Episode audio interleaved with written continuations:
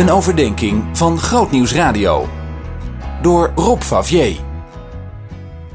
De afgelopen weken hebben we een aantal Bijbelgedeelten bestudeerd die iets te maken hebben met kinderen en jeugd. En wat is nu mooier dan deze serie te eindigen met het wereldberoemde verhaal over de verloren zoon? Eigenlijk de gelijkenis van de twee broers. Je kent het verhaal vast wel.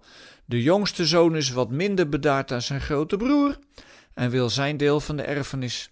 Dat krijgt hij.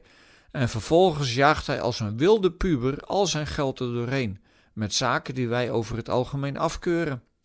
Als hij helemaal aan de grond zit, gaat hij terug naar zijn vader en vraagt of hij behandeld mag worden als een van zijn dagloners. Maar zijn vader is zo ongelooflijk blij dat hij weer terug is, dat hij een groot feest bouwt voor deze als verloren gewaande zoon. Nou, ik begrijp de reactie van die oudste broer heel goed hoor. Die is woedend en zegt dat hij, ondanks dat hij zich altijd heel goed gedragen heeft, nog nooit een feest gekregen heeft.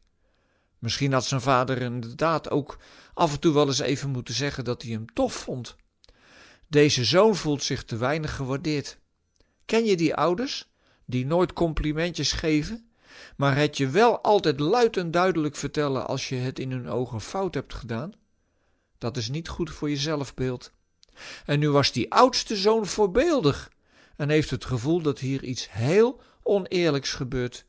En dat is het natuurlijk ook. Als je het tenminste bekijkt vanuit het gezichtspunt dat je de consequenties van je daden moet dragen.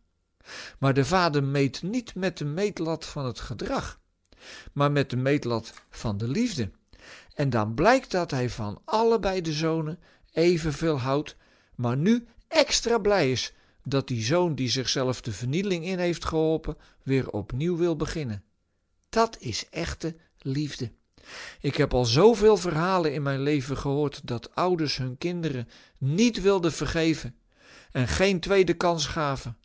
Of andersom, dat kinderen hun ouders niet wilden of konden vergeven en daarom de relatie verbraken.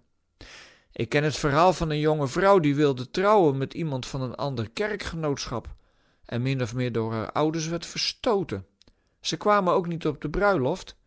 Waar ben je dan toch mee bezig? Dan laat je je eigen frustratie heersen over je vaderliefde. De verloren gewaande zoon had bepaald niet gedaan wat zijn vader voor hem in gedachten had, maar zijn vader kon daar in de naam van de liefde overheen stappen. Dit wens ik eigenlijk alle vaders toe die op dit moment luisteren. Heb geen oordeel over je kind vanuit je eigen opvattingen, maar vanuit de liefde van God. Natuurlijk, dan moet je ze ook nog wel eens flink op hun nummer zetten, maar dan help je ze om weer op te bloeien in plaats van dat je ze de grond intrapt. Als vader ben je de vertegenwoordiger van God naar je kind toe. Wat een fantastische en verschrikkelijk lastige opgave. Zien in nog een podcast? Luister naar Verhalen van Hoop via grootnieuwsradio.nl/podcast.